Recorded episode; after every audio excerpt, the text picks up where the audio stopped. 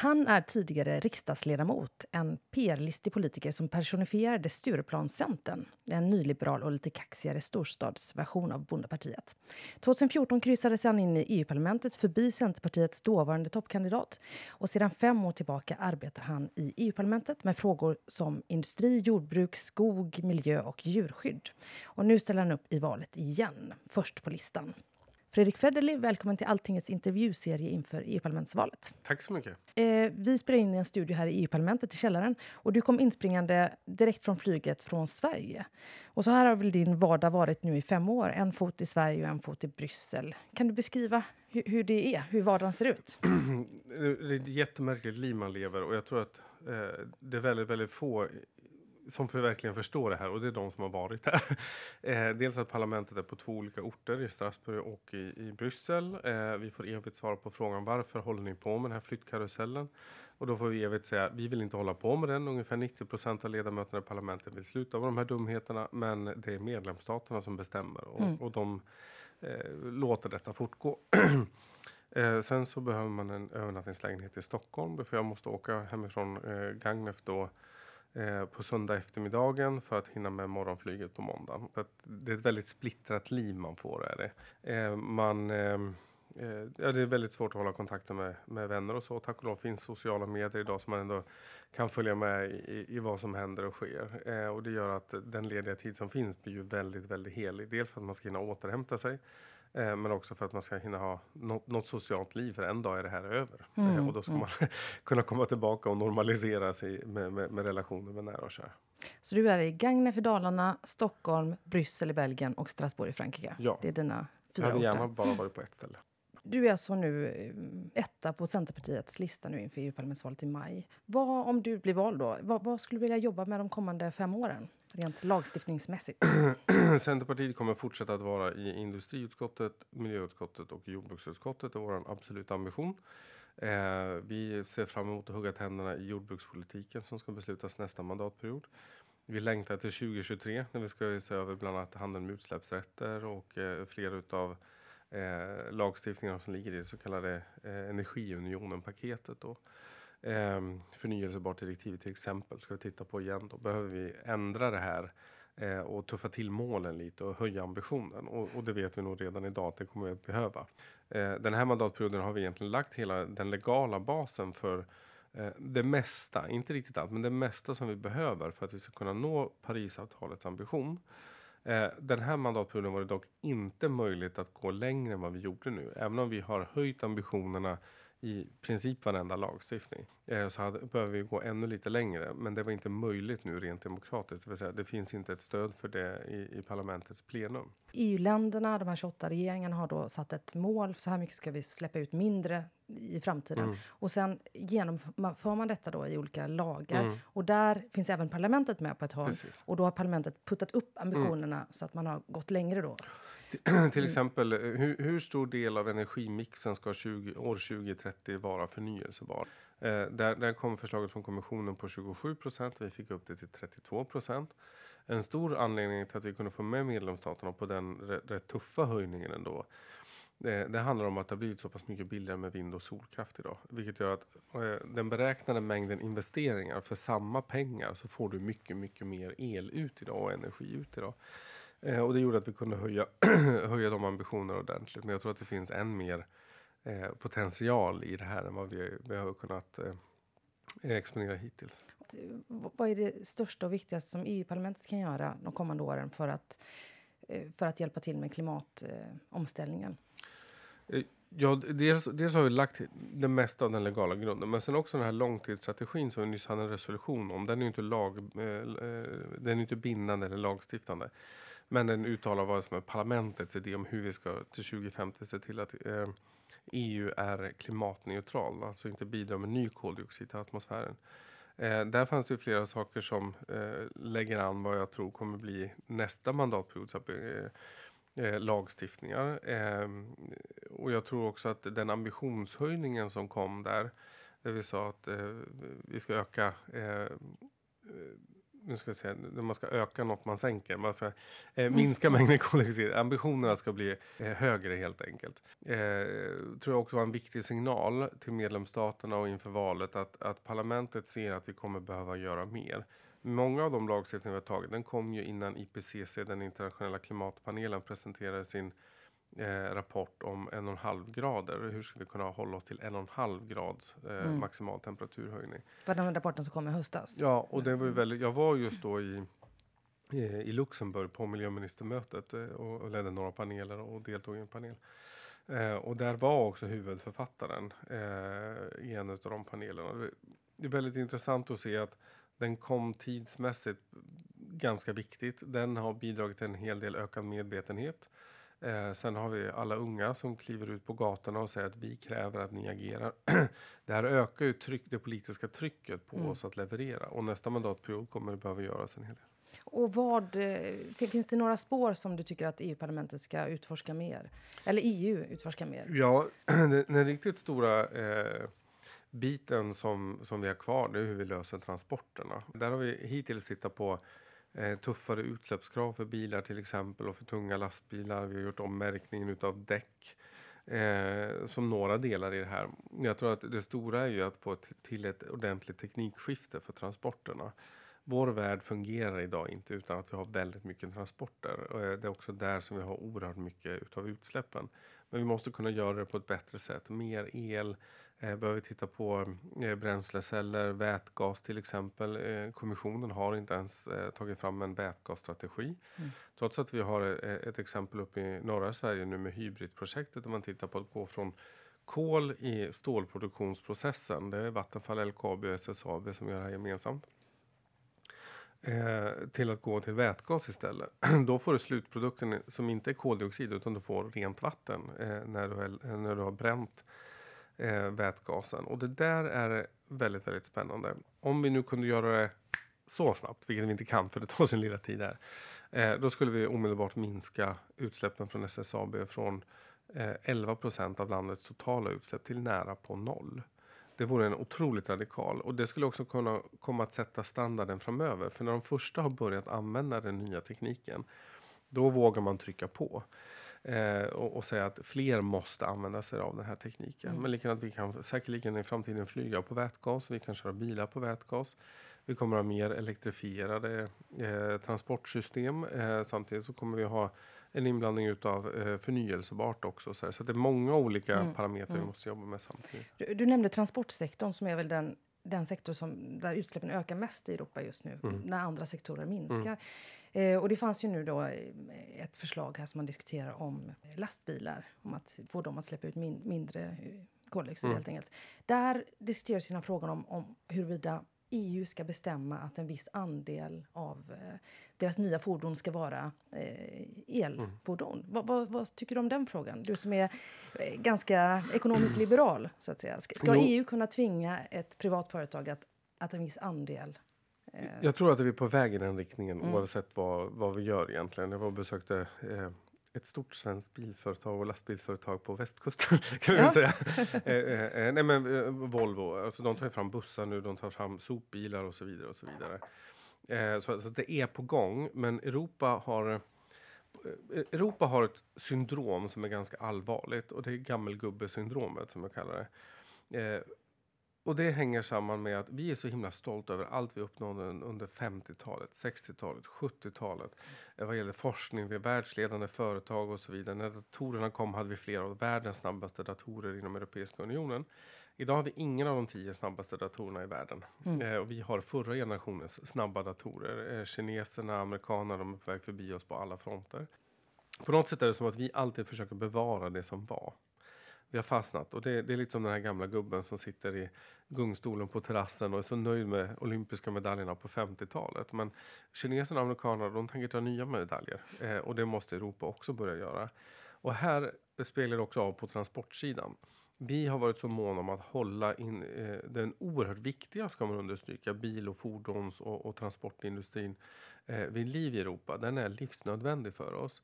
Men i den här missriktade omsorgen så har vi låtit eh, kraven vara för låga, vilket har gjort att de har kunnat fortsätta släppa ut för mycket. Och helt plötsligt är kineserna bättre på oss att producera ellastbilar. Mm. Eh, alltså du har stora städer i, i, Kina idag som i princip är ja, någonstans mellan 75 och 90 procent eh, elfordon. Allting från den lilla vespan till bilen till lastbilen. Eh, och, och, det riskerar ju att skapa eh, konkurrensnackdelar för oss och våran industri i framtiden. Är de så mycket bättre på att producera här, ja varför ska inte hela världen köpa utan dem i så fall? Och här måste vi eh, eh, ta krafttag. Eh, så om jag förstår det, tuffare krav på Ja, det måste bli mycket. Och det, vi måste titta där på utsläppsnivån. Mm. Eh, och, och, också lite så, såklart kopplat till vad det är för typ av bränsle. Eh, du har ju såklart utsläpp om du har förnyelsebart, men då har du en cirkularitet på det. Eh, och det måste man ta i beaktande. För att vi kommer behöva många olika energislag tror jag för att få det här att fungera framöver. Du låter så himla teknikoptimistisk. Det är det enda sättet att lösa det här. Det, tror du det? Ja, det, det, är ny teknik. För att eh, många säger ju samtidigt att det, det är liksom det ekonomiska systemet som måste ändras. Vi måste komma bort från det här tillväxttänkandet. Tror ja, du... Jag tror vi kommer att tillväxt framöver. Alltså, och det är det som är så konstigt, för att om vi börjar dela samma produkter, den här delningsekonomin, eh, så skapar det mer värde på samma produkt och det är ekonomisk tillväxt. Vi producerar inte mer, eh, men, men eh, varan kan användas bättre eller tjänsten eller min borrmaskin kan hyra ut till grannen för 50 kronor. Alltså, den här delningsekonomin tror jag har, har mycket. Jag tror inte vi har samma behov i framtiden att vi måste ha exakt allting själva. Ändå kan tillväxten öka därför att vi klarar har en ekonomisk modell för det. Vem vill du ska bli EU-kommissionens ordförande?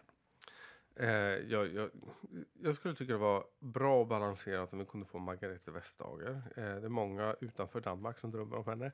Eh, problemet är att hon måste bli nominerad från Danmark eh, och det är inte alls säkert. Vi vet inte när det danska valet blir där. Vi vet inte vilken regering det blir. Eh, så det finns många hinder för det. Eh, Eh, jag tror, jag tror att det är bra när mindre länder får ta ett ansvar av, av den betydelsen. Därför kanske det har varit bra att Luxemburg som det minsta landet EU har fått eh, inneha den positionen nu. Av, av respekt och också för maktbalans. För till mm. exempel i parlamentet så har ju fransmän, tyskar, britter och italienare och spanjorer väldigt mycket makt ändå eftersom de är väldigt stora mm. länder. Så danska sittande konkurrenskommissionären Margrethe Vestager? Skulle jag personligen ja. gilla. Eh, varje EU-parlamentariker får utöver lön och traktamente ungefär 45 000 kronor i månaden mm. till olika eh, omkostnader. Och de här pengarna behöver inte redovisas idag, men ledamöter kan ju göra det om de vill och de kan även eh, lämna tillbaka pengar till EU-parlamentet som man inte själv använder. Då. Om du väljs till fem nya år här, kommer du redovisa de här pengarna? Samtliga våra kandidater på vår lista har fått skriva under en kandidatförsäkran där åtar man sig att redovisa det här och att eh, underkasta det, eh, säga, låta det granskas av oberoende revisorer. Eh, det är så vi kommer lösa. Kommer hur, vi... hur kommer ni redovisa det? Ja, vi lämnar alla papper till revisorerna. Revisorerna kommer gå igenom det och titta så att det stämmer med hur I, regelverket I partiet? Eller ja, det, det, är ju inte interna, mm. det är ju inte centerpartister som mm, kommer göra det, mm. utan det är ju revisorer som har det som jobb. Mm. Eh, det är såklart att det kan uppstå en jävsituation om det är en partikompis som ska granska om jag har uppfört mig ordentligt. Men någon som har det här som yrke och inte kan sätta sin heder och sin mm. framtida karriär på spel är ju den som ska eh, granska det här. Och det kommer, blir vi flera så kommer det gälla samtliga utav våra ledamöter. Och kommer ni offentliggöra detta om en journalist kommer och ber dem att få titta på papperna? Vi har redan visat de kvittona flera gånger. Vi har gjort ett antal intervjuer om detta. Eh, sen, eh, ja, så det kan man väl få göra, hur intressant det nu är.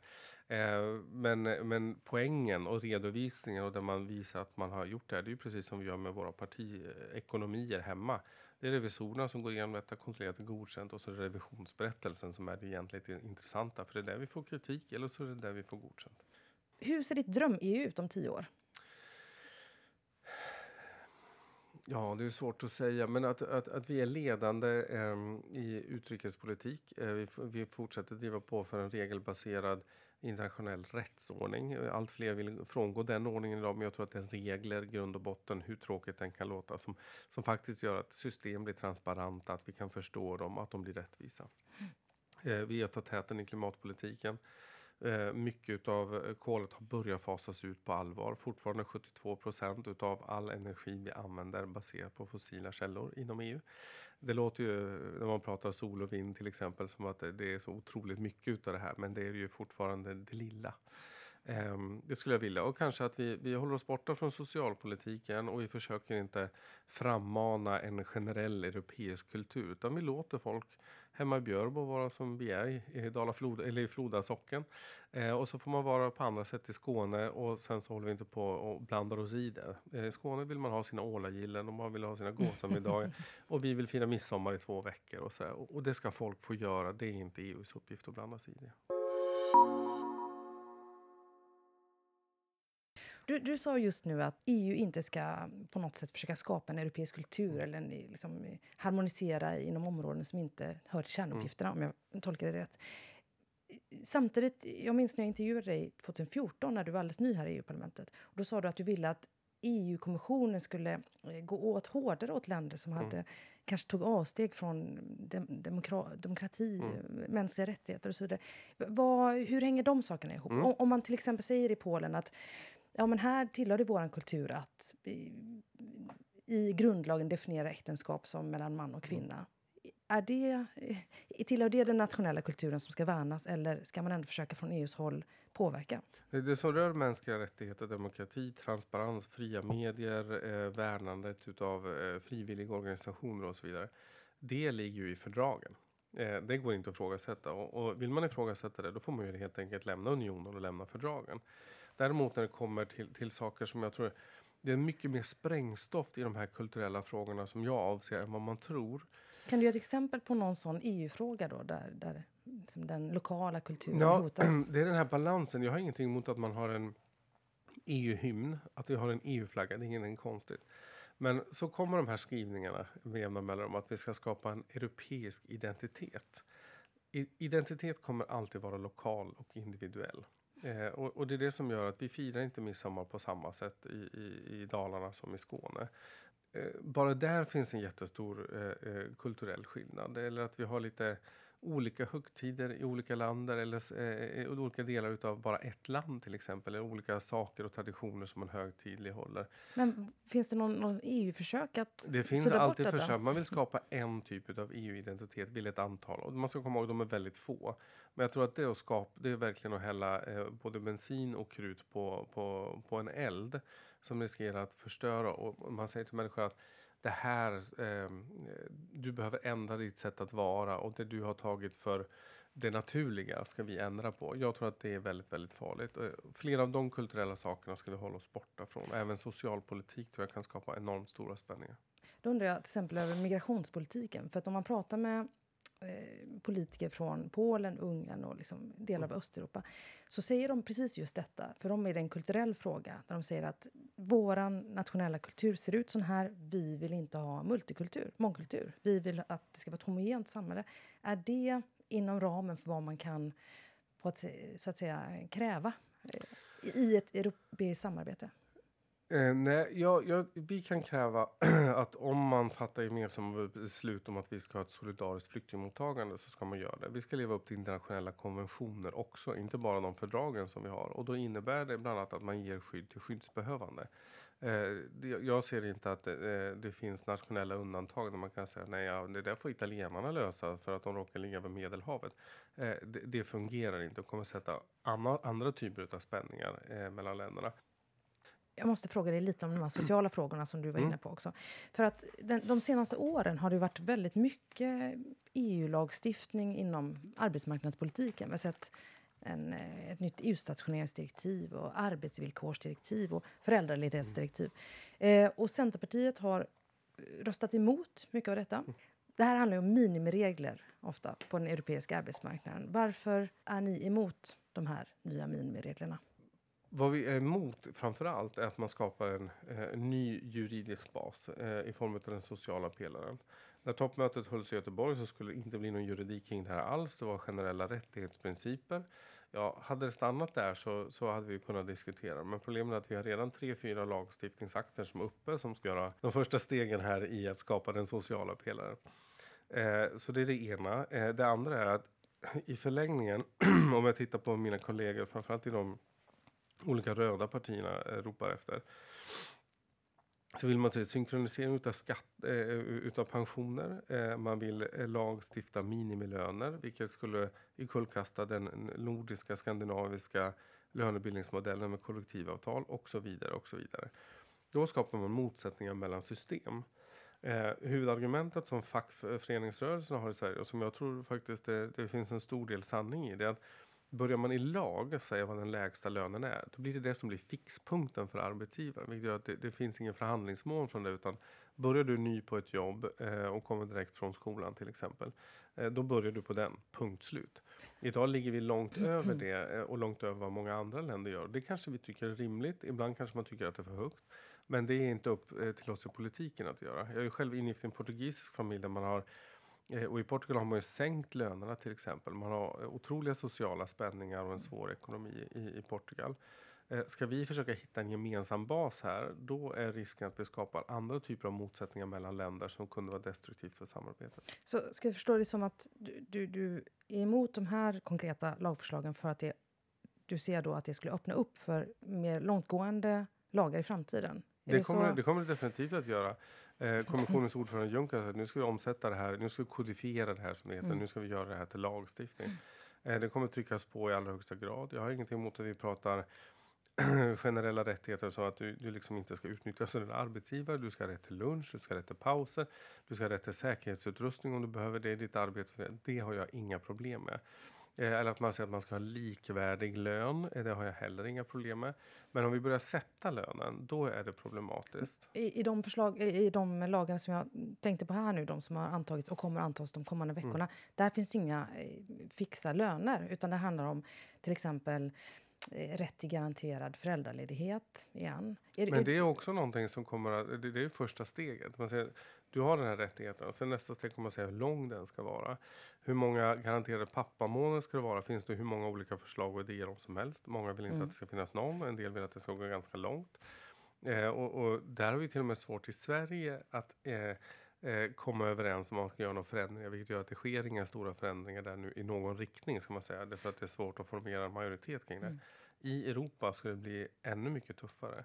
Men, men, ser du något behov av gemensamma minimiregler på en europeisk arbetsmarknad som ändå är gränsöverskridande idag? Eh, det är den till viss del, men väldigt mycket är fortfarande nationellt. Och när man sköter det nationellt så bör det också vara nationella regler som agerar. Sen så kommer en del tuffare saker.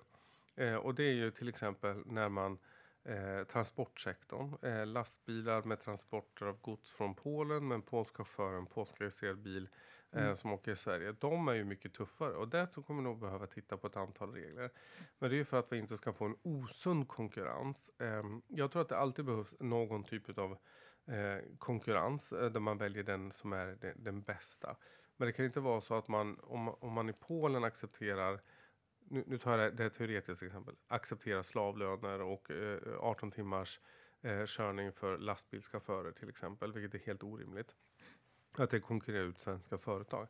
Där har vi en konkurrenssituation där vi alltid måste titta på vad är rimligt här. Det är som när vi, det, då är du liksom inne på en principiell diskussion som är lättare att föra. Det är lite som när vi pratar om eh, och kritiserar Luxemburg kan inte hålla på och ha eh, vara skatteparadis eh, för, för, ett antal investmentbolag och så vidare. Mm. Därför att det konkurrerar ut möjligheterna till att man skulle vilja placera de här pengarna i Sverige eller Storbritannien till exempel. Okej, okay, så det finns ett visst behov av någon slags minimi minimiregler när det handlar om att det annars blir oschysst konkurrens. Ja, för att undvika mm. osund konkurrens. Okay. Sen ska vi ha konkurrens, det tror jag är viktigt och bra. Det håller oss alerta och det gör att vi blir bättre. Mm. Men det ska inte vara det osunda, destruktiva. Så att du skulle kunna rösta för till exempel att begränsa eh, körtider för lastbilschaufförer? Alltså, att de inte får köra i 15 timmar i sträck? Det tror jag är rimligt av, av rätt många skäl. Eh, mm. bland annat hälsoskäl för oss andra som sitter på, på vägarna. Eh, jag vill gärna att de chaufförer som, som kör är trygga, säkra och utvilade med fokus på vägen. Eh, Fredrik Federley, stort tack för att du var med i Alltingets intervjuserie inför EU-parlamentsvalet. Tack så mycket.